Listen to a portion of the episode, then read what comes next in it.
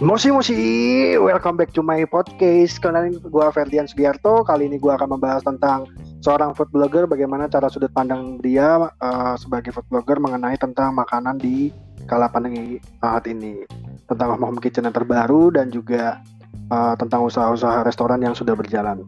Nah, gue akan memanggil aja teman gue, silakan Quentin. Ya, halo, halo, selamat malam.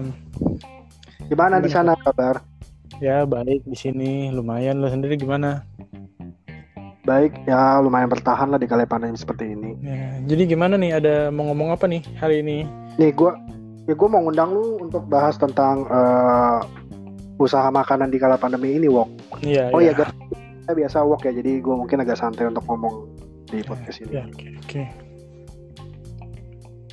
Nah, kenalin diri dulu dong namanya siapa? Ya. Oh, uh, by the way Instagramnya kalian bisa cek di JKT Instafood dia salah satu food food blogger di daerah Jakarta ya Wok ya? Iya iya. Bisa di follow ya di @jkt Instafood. Jakarta sekitarnya gitu.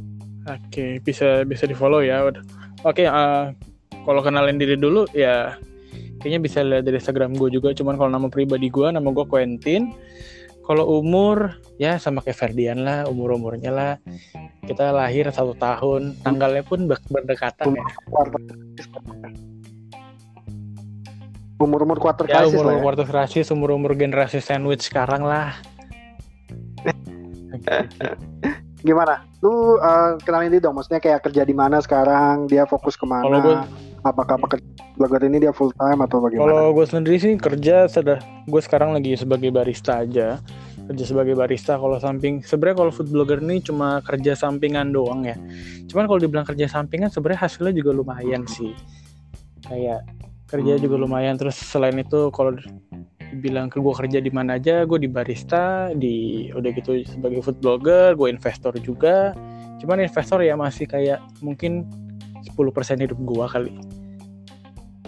Hmm, jadi lebih fokusnya karir lu adalah selama uh, setelah lulus SMA ini berarti lu fokusnya ke dunia F&B yeah. lah ya. Setelah itu baru lu masuk ke food blogger yes, seperti betul, itu. Betul, betul,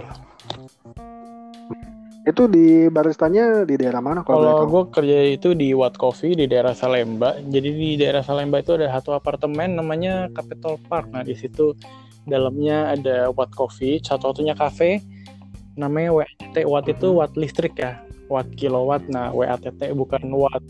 W apa tadi W A double T kalau di spell ya ya betul betul. W A T T hmm. coffee. Oke okay, berarti lu uh, kalau gua rangkum pekerjaan lu ada tiga di sini ya? Ada yeah. seorang ada seorang food blogger dan seorang uh, investor atau blog broker lah bisa dibilang seperti itu ya kalau yeah, untuk yeah. awamnya gitu ya. Hmm, betul. Hmm.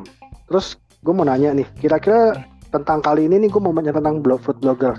Hmm. Nah, di pekerjaan food blogger ini awalnya tuh lu bisa jadi food blogger itu bagaimana sih?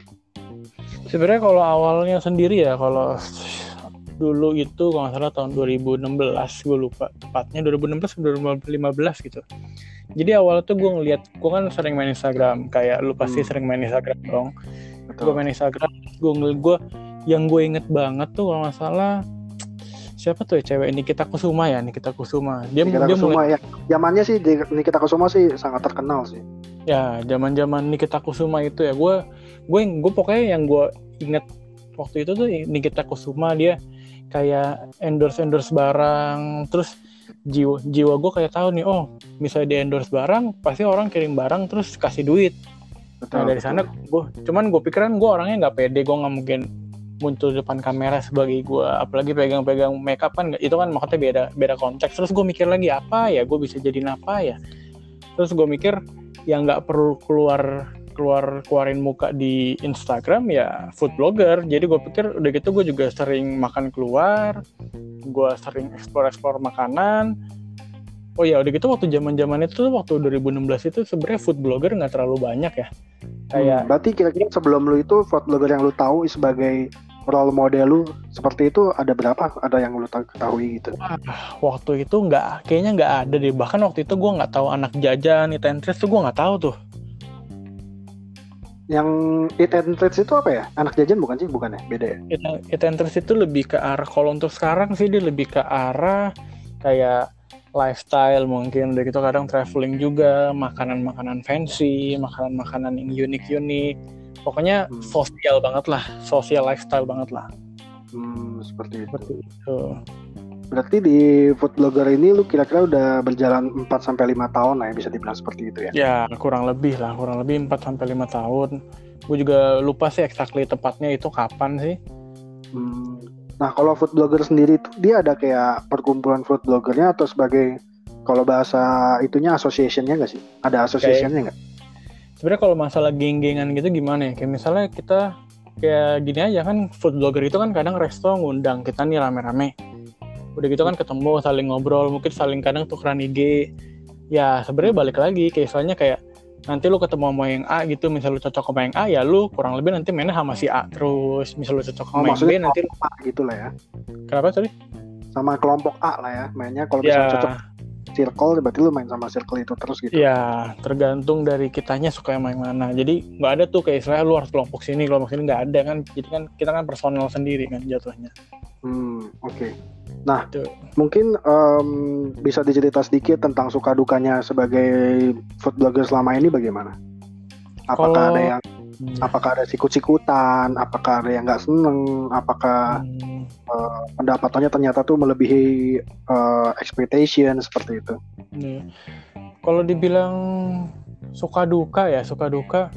Kalau sukanya dapat makanan otomatis. Ya, Cuman gratis duka, lah ya. yes gratis lu bisa dikirimin makanan sampai banyak banyak banget. Dan misalnya lu nggak perlu keluar duit tuh yang tinggal foto itu kan sukanya. Cuman itu juga jadi dukanya kita gitu loh. Ini di sini di sini yang di sini yang lucu nih maksudnya kayak lu dikasih makanan misalnya lu orang lu orang yang kayak biasa-biasa aja lu dikasih makanan otomatis lu seneng dong lu pasti story mungkin lu buat post. Cuman kita kan sebenarnya kita jatuhnya pekerja jasa ya pekerja inf- dibilang influencer sih gue nggak ngerasa diri gue sih influencer itu. Cuman Ya. jadi tuh saya gue misalnya gue dulu kirimin gue makanan gue butuh plating di piring gue butuh waktu untuk cari kurang lebih fotonya bagaimana. Kadang tuh para pemilik resto maksudnya dia nggak nggak nggak kepikiran nggak consider sampai ke situ gitu loh. Jadi kayak istilahnya oh yaudah gue kasih lo makanan lu fotoin lu fotoin produk gue ya nanti lu posting gitu. Padahal padahal tuh sebenarnya pas makanan lu sampai gue nggak bener-bener kayak langsung foto gitu. Tapi gue harus plating dulu di piring udah gitu susun piringnya terus gue harus keluarin kamera nanti harus edit lagi. Istilahnya kan beli kamera aja kan butuh duit kan butuh modal kan Iya, gue masih ingat banget tuh lu dulu beli kameranya kayak lumayan menguras kocek lah ya. Wah gila itu gue juga bingung sih misalnya throwback ke dulu kenapa gue beli kamera ya kenapa gue senekat itu itu ya waktu itu ya By the way, for information, gue sama Quentin ini satu satu job lah ya, satu Ya. hari, uh, tempat kerja dulu. Jadi Ya. gue ngalamin banget tuh dia kisahnya selama menjadi food blogger. Gue juga kaget awal-awal dia jadi food blogger, tapi dia berani untuk menginvest beli kamera yang pada saat itu ya lumayan menguras kocek lah ya, oke. Di ya atas lumayan sih rata-rata sebuah kamera itu. belasan something lah waktu itu lah gue lupa tepat gue lupa Ya, karena sekarang lama. zaman itu juga kamera cuma ada yang 5 juta, 6 juta, tapi dia bisa beli yang di atas belasan juta di saat dia baru memulai karir gitu ya. Jadi ini Iya. orang yang berprinsip banget ini orang ini. kayak istilahnya Jadi, ya lu Tahu lu untung atau enggak, tapi lu bisa beli kamera yang bisa lu nggak tahu bisa balik modal atau enggak gitu loh. Berarti lu salah satu contoh orang yang sangat optimis ke depannya gitu dengan apa yang lu plan sekarang, apa yang lu uh, ongoing tuh lu tahu goalsnya ke mana. Iya, Ya, iya. nggak berani untuk uh, invest kamera segitu mahal gitu ya. Hmm. Terus jadi kalau gua tangkap dari omongan lu yang tadi tentang pihak restoran tidak menyiapkan plating dan sebagainya itu ya kadang gue juga setuju sih. Karena restoran itu harusnya dia juga tahu lah ya ketika dia mengendorse uh, seorang food blogger juga nggak terjamin juga dia uh, platingnya juga nggak dipikirin gitu ya. Jadi kan restorannya harus menyiapkan juga untuk food bloggernya. Hmm. at least juga kayak oh kira-kira dia mau seperti ini dan banyak juga dari yang gue lihat dari uh, orang-orang yang minta minta store post story gratis, bla bla bla bla. Padahal dia nggak tahu ya usahanya di balik itu juga Iya, ya. lu harus kan spend time gitu. Nah, itu ada eh, sampai sekarang setahu gue usaha jasa itu tidak ada tolak ukur sih. Jadi kayak Iya, ya betul. yang lebih terkenal dan hasilnya bagus ya otomatis dia rise up gitu loh dia punya Betul, bayaran betul banget. sih. Betul banget, betul banget. Ya makanya kadang gue juga lihat orang-orang yang pengen endorse makanan juga nggak tahu lah ya di balik itu bagaimana gitu kan Hmm. perjuangan seorang food blogger gitu kan. Ya. Per Nah, kalau dibilang di-appreciate untuk eh, orang-orang pebisnis seperti itu. Nah, balik lagi ke topik hari ini, gue akan ngebahas tentang eh, pandangan seorang food blogger, seorang Quentin Harvadinata ini, Jakarta Instafood ini mengenai eh, pengaruh wabah COVID ini ke sektor makanan. ya. Bagaimana nih tanggapan eh, terus tentang eh, COVID ini? Apakah banyak eh, merek-merek baru? Apakah banyak orang yang tiba-tiba bukan eh, pada bidang makanan, tiba-tiba banting setir ke makanan? Eh ternyata disukain sama lingkungan juga, terus juga Hmm. makanannya enak. Itu bagaimana? Yang lu alamin sekarang ini? Kalau dibilang brand baru itu sih wah gila lu gila itu bener-bener banyak banget sih. Bahkan bahkan teman-teman terdekat gue pun juga mereka mencoba peruntungannya di dunia makanan men. Ada yang jual mungkin ada yang jual bolu ada yang jual bakmi homemade ada yang jual segala jenis lah dijual. Bahkan gue juga pernah ngeliat orang jual kecap asin men di Instagram. Kecap asin. jual kecap asin jual minyak wijen. Wah, maksudnya itu itu nggak nggak kepikiran banget sih karena kan Iya. soal kecap asin dan minyak wijen itu kan udah banyak yang ngejual dan emang yang biasa dipakai sama restoran gitu ya. Kalau misalnya muncul baru kan kita juga nggak kepikiran banget gitu untuk orang-orang Hmm. lain. Aduh gila itu sih. Maksudnya kayak kalau dibilang brand pasti banyak banget ya. Bener-bener banyak banget brand yang yang apa namanya keluar-keluarin. Terus tawaran-tawaran ke gue pun banyak banget. Cuman kayak gue sebagai food blogger di zaman di saat covid ini gue prinsip gue istilahnya kalau lu emang lu proposnya baik gue pasti bantu lu posting. Soalnya kan gue tahu keadaan lagi susah lu pun lu pun jual makanan karena lu butuh duit kan bukan mau keluarin duit pengen usaha lu terkenal gitu loh. Tapi lu cuma pengen muter cash flow lu aja sebenarnya kan. Betul karena kan dia juga Hmm. bisa dibilang WFA mungkin atau bisa Iya. dirumahkan sehingga dia kayak nggak ada pemasukan.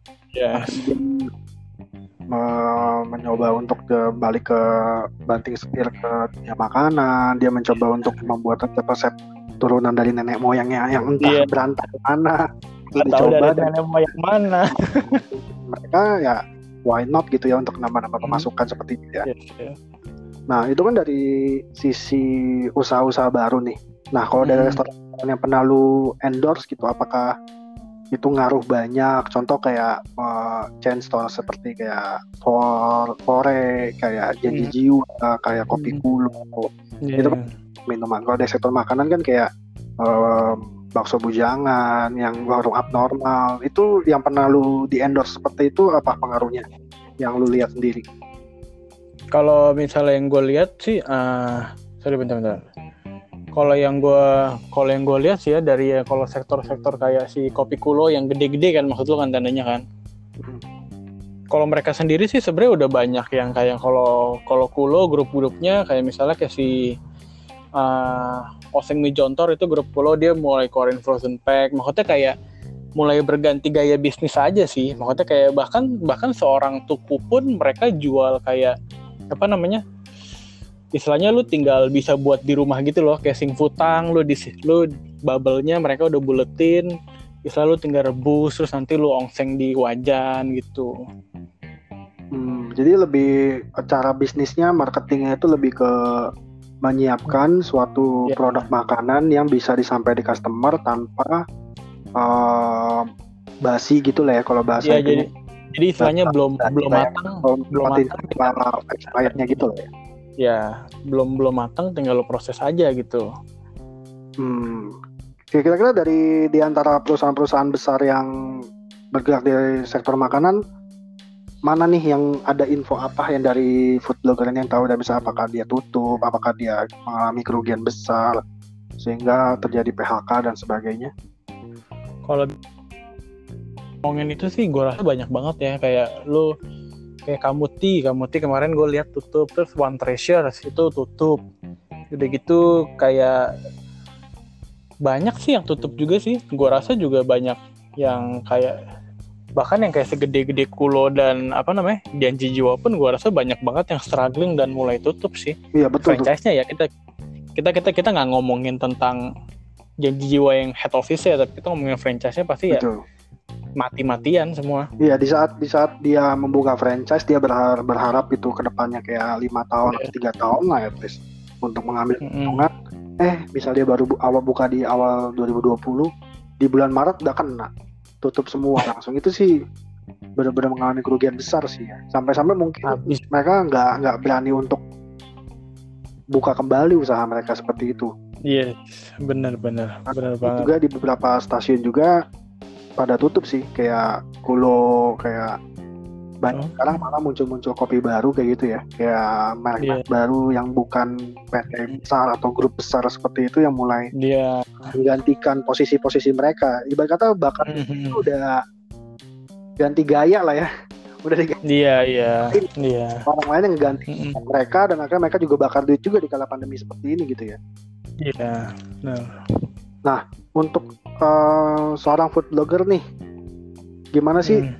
eh, kalau misalnya lu itu berkontribusi untuk usaha-usaha baru ini apakah mereka itu perkembangannya sangat eh, signifikan setelah lu endorse tanpa lu tanpa lu dibayar seperti itu ada nggak kayak Hmm. feedback dari mereka seperti itu kalau dibilang feedback sih ya soalnya eh, sebenarnya tujuan tujuan adanya food blogger ini menurut gua menurut gua pribadi ya bukan sebagai hard sell sih. Maksudnya bukan kayak gua posting otomatis langsung 100 order masuk gitu. Kalau menurut gue sendiri bukan di situ tapi lebih ke arah kayak lu lu endorse gue gue posting. Otomatis nanti audiens gue aware ketika tahu brand lu gitu loh. Hmm. jadi ibarat ibaratnya kalau branding eh, diri sendiri atau nge-branding keluar untuk kasih tahu ternyata bikinan gua itu enak juga dan ternyata itu orang lain juga suka gitu ya. Dari situ mungkin yes. orang-orang tuh juga mau mencoba gitu ya. Yes. Nah dari so- pandangan super food blogger sendiri bagaimana pendapat eh, lu tentang usaha-usaha baru ini? Dia itu apakah dia buka di Instagram doang? Apakah dia buka di GoFood? Apakah dia buka di Tokopedia? Seperti itu.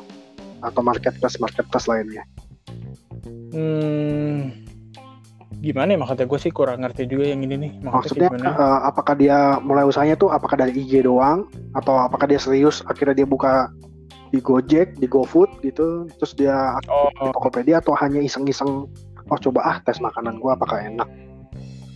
Kalau dari beberapa yang gue lihat kalau dari beberapa yang gue terima sih ya yang gue terima kebanyakan sih Instagram. Instagram nanti jatuhnya eh, palingan kalau kayak Frozen bisa dikirim gitu jatuhnya nanti ke Topet gitu Hmm, kalau nggak sistemnya uh, pre-order gitu ya. ya kurang lebih rata-rata rata-rata mereka itu pasti yang gue banyak terima sih pre-order ya soalnya kan kayak kelihatan banget mereka tuh kayak modalnya nggak ada jadi mereka mau nggak mau pre-order supaya mereka nggak nyetok aja misalnya mereka nyetok otomatis sehari nggak laku kan buang gitu loh Hmm. Nah, dari berbagai orang yang udah endorse ke tempat lu, Hmm. Apakah Hmm. makanan mereka itu worth dibeli atau emang lu itu mengendorse itu berdasarkan emang karena dia temen makanya lu bilang enak atau bagaimana? Dari lu sendiri. Kalau kalau dari gue sendiri sih gue punya prinsip sih misalnya emang itu makanannya nggak enak menurut gue ya gue gua nggak bakal ngomongin rasa di postingan gue sih mungkin rata-rata food blogger juga begitu ya Hmm. cuman kalau gue ke pemiliknya gue bakal bilang nih kayak oh punya lu begini mungkin kurang rasa kurang dari mungkin dari dagingnya agak alot gitu atau enggak. Kayak istilahnya kalau misalnya bakmi kan otomatis lu pengen yang lebih lebih nendang gitu kali micinnya ya kan Hmm. MSG-nya gue mungkin kurang gurih. Ya kurang kurang tasty gitu rasanya kurang berasa lah. Tuh. Hmm. Terus tapi gue bilang gue langsung bilang ke orangnya ya bukan bilang ke kayak ke IG story-nya misalnya gue bilang ke IG story kayak istilahnya menjatuhkan lah ya. namanya gue ngejatuhin dia gitu Hmm. Oke. Terus em, kira-kira nih menurut lu dari protokol kesehatan yang udah diterapin di restoran-restoran, tempat makan, tempat nongkrong di era new normal ini apakah sudah sangat eh, efisien atau tidak dibandingkan dengan uh, keadaan situasi kondisi di Jakarta sekarang ini. Ini ini ngomongin untuk si pemilik makanan online atau restoran nih. Kalau restoran untuk sih restoran. lebih honest Kalau untuk restoran sih gue cuma pernah ke McD. Ya menurut gue sih agak di satu sisi kita merasa safe kayak istilahnya lu bener-bener dijarakin banget. Cuman kalau secara bisnis gue kasihan sih pak. Lu 100 tempat buat 100 orang cuma bisa dipakai mungkin 40 orang 60 persennya kali habis hmm. Jadi bener-bener 60 persen loh gila. ya untuk mengurangi pendapatan dari restoran tersebut loh ya agak kasihan juga sih gue kalau protokol dari... kesehatannya gimana menurut lo? Kalau protokol kesehatan gue tuh biasa gue gue baru keluar sih. Yang gue inget gue cuma ke McD ya. Kalau ke McD sih lu mau masuk di termometerin dulu terus disuruh pakai hand sanitizer pintunya dibukain otomatis. Jadi kan lu nggak megang pintu kan pembayaran okay. semua disarankan cashless. Hmm. bagus juga. Itu standar McD ya kalau untuk restoran lain sendiri. Gue nggak tahu. Cuman kalau ngomongin kalau ngomongin untuk bisnis online online shop maksudnya kayak bisnis bisnis Instagram sih gue cukup seneng ya. Maksudnya kayak hampir semua home industry yang yang buat itu mereka paling nggak mulai kayak uh, kayak kasih kabel tis terus mungkin makanannya lebih lebih rapi lah. Mungkin mungkin makan plastik juga ya makan kayak istilah lu dipisah-pisahin gitu. Cuman ya hmm. lebih bersih jadi double plastik jatuhnya. Ya ada juga yang dia dikasih apa namanya tuh yang di tukang bangunan.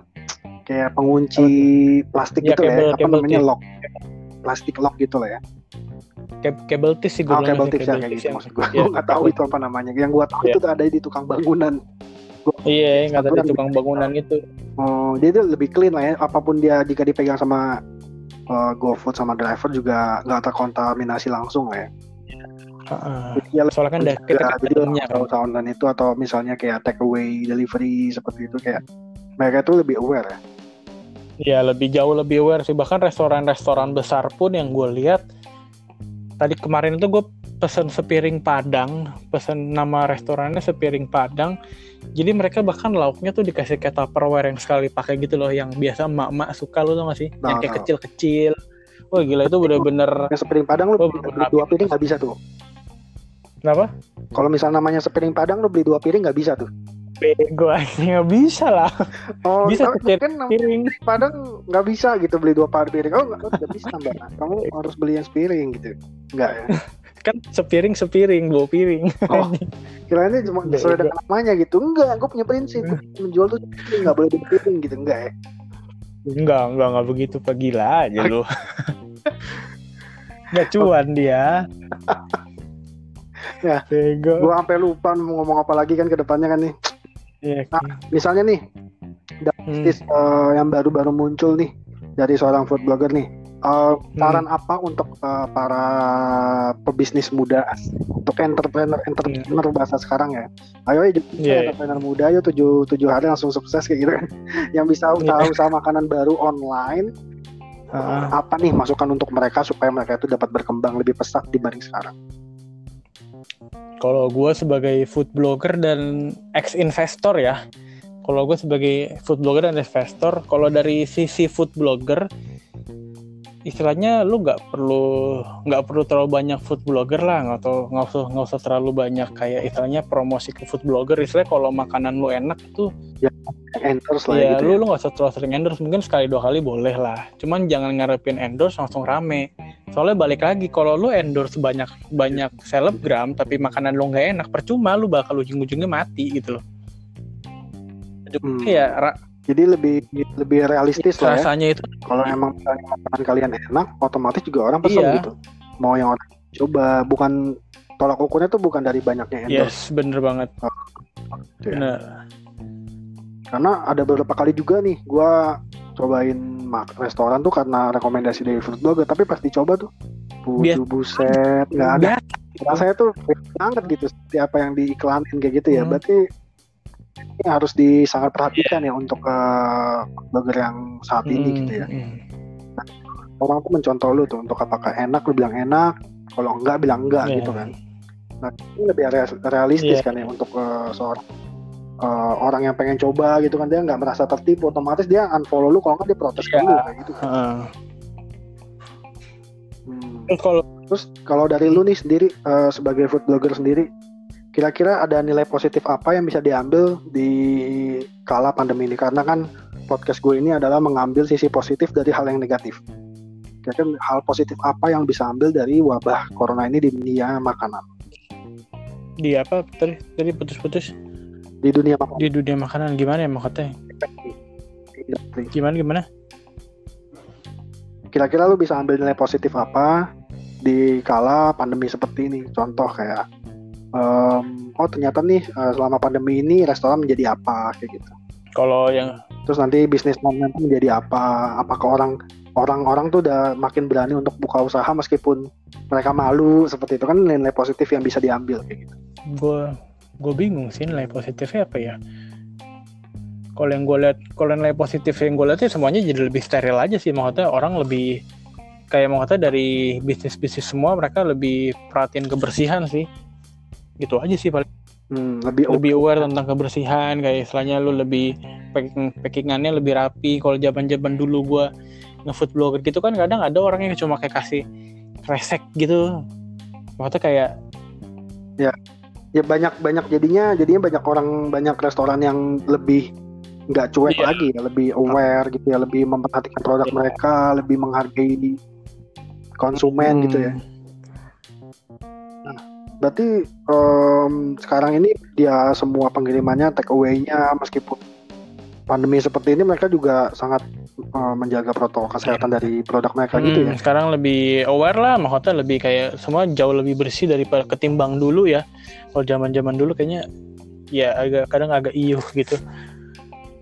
Ya kadang juga mereka kasih cuma plastik Ya, doang kayak gitu kayak kantong plastik mungkin juga orang toro ya Kenapa? kayak misalnya beli di pinggir jalan bungkusnya tuh ada gue pernah Hmm. beli itu bungkusnya tuh nggak pakai plastik anti panas loh Hmm, Isinya itu plastik kantong kresek ah, gila, yang nota yang notabene anjing itu Iya. telur kayak orang kayak sebuah produk yang emang agak kotor gitu di uh, lapisan Ah. luarnya dia dijadiin bakso gitu. Gila itu. Gue juga Iya. heran gitu kenapa orang masih mau beli kenapa gue juga mau beli itu gue juga heran. Ini karena gue beli karena gue lihat oh pertama gue nggak lihat dia pakai plastik itu. Pas gue mau pakai plastik itu siapa ya Allah sayang gue buang gue mau makan juga racun kayak gitu kan. Tapi sekarang kayaknya orang lebih iya aware orang gitu. jauh lebih aware. Kayak orang tuh berkerumunan dikit aja langsung Hmm. kayak, enggak ah gue nggak mau ke Hmm. restoran itu. Dia nuh kalau dulu mah ya Allah lu nunggu depan restoran dua jam tiga jam waiting Iya. list ya Gak usah restoran lah. Lu nungguin sneakers baru keluar waduh tuh gila. buset. Kalau sama yang mau Grand Iya. Indonesia itu kalau ngantri dari west ke west Ke eh, east. dari west ke east. Cong Samcong sama Kerasaktinya kalah itu dari barat ke timur itu. Kalah dia? Ngantrinya sih panjang banget. Gila tuh Grand Indonesia berdua kalau udah sneaker keluar langsung ber nggak ada namanya social distancing.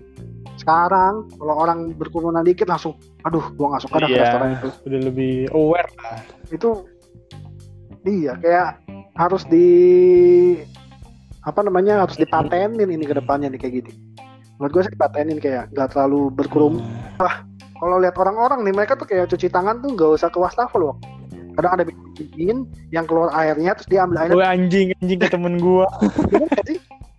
Iya iya lingkungan lo orang yang dengerin podcast ini juga pasti ada deh orang kayak gitu. Kayak dia beli minum es jadi dia kayak keluar dari suhu udara dinginnya tuh di iya luar kaca Uap-uap. plastik itu terus dia diambil cuci tangan sendiri gitu Astagfirullahaladzim gue inget jorok banget sumpah ini gue gak sih. Mungkin nggak ada sih. Gue pernah lihat juga kayak gitu. Mungkin ini, mungkin gue pernah melakukan itu juga tanpa sadar gitu. Itu mungkin ya jorok gitu ya. Tapi maksud gue adalah mungkin hal seperti itu yang harus eh, tetap dijalanin gitu. Untuk cuci tangan lalu pakai sabun berapa detik gitu kan. At least formalitas Iya. gitu. Lu cuci mau berapa? 5 detik. eh, udahan gitu ya. At least lu Hmm. tetap cuci gitu. Itu juga lu hand sanitizer kayak lebih bersih aja gitu nggak sih? iya jauh lebih bersih untuk sekarang ini jatuhnya ketimbang dulu Ya, jadi lebih bisa diambil itu nilai positif lah ya, nilai positif nilai positif. Meskipun sangat merugikan banyak orang ya dari berbagai sektor pekerjaan gitu ya, pasti ada nilai Ya. positif untuk di- diambil dari uh, permasalahan ini. Jadi nggak selalu itu hal yang dapat menjadi uh, bahan pikiran menjadi stres ada juga hal-hal yang bisa kita ambil juga membuat kita lebih bersih ya kan lebih aware betul, lingkungan betul. juga betul, betul. kayak awal-awal awal-awal pandemi ini kayak banyak orang yang ngasih-ngasih makanan kayak gitu kan iya, jadi mereka betul, itu betul, betul. apa jual jiwa sosialnya juga dilatih untuk bangsa Indonesia ini karena kan banyak kan juga orang yang uh, masih jorok lah ya sampai sekarang detik sekarang juga ada beberapa tempat beberapa orang yang meskipun nggak semuanya yang masih nggak pakai masker hmm. masih makan juga di depan umum yang notabene kena orang lewat kayak gitu lah itu kan otomatis kan sangat terkontaminasi untuk makanannya yeah. gitu kan yes yes hmm. oke okay.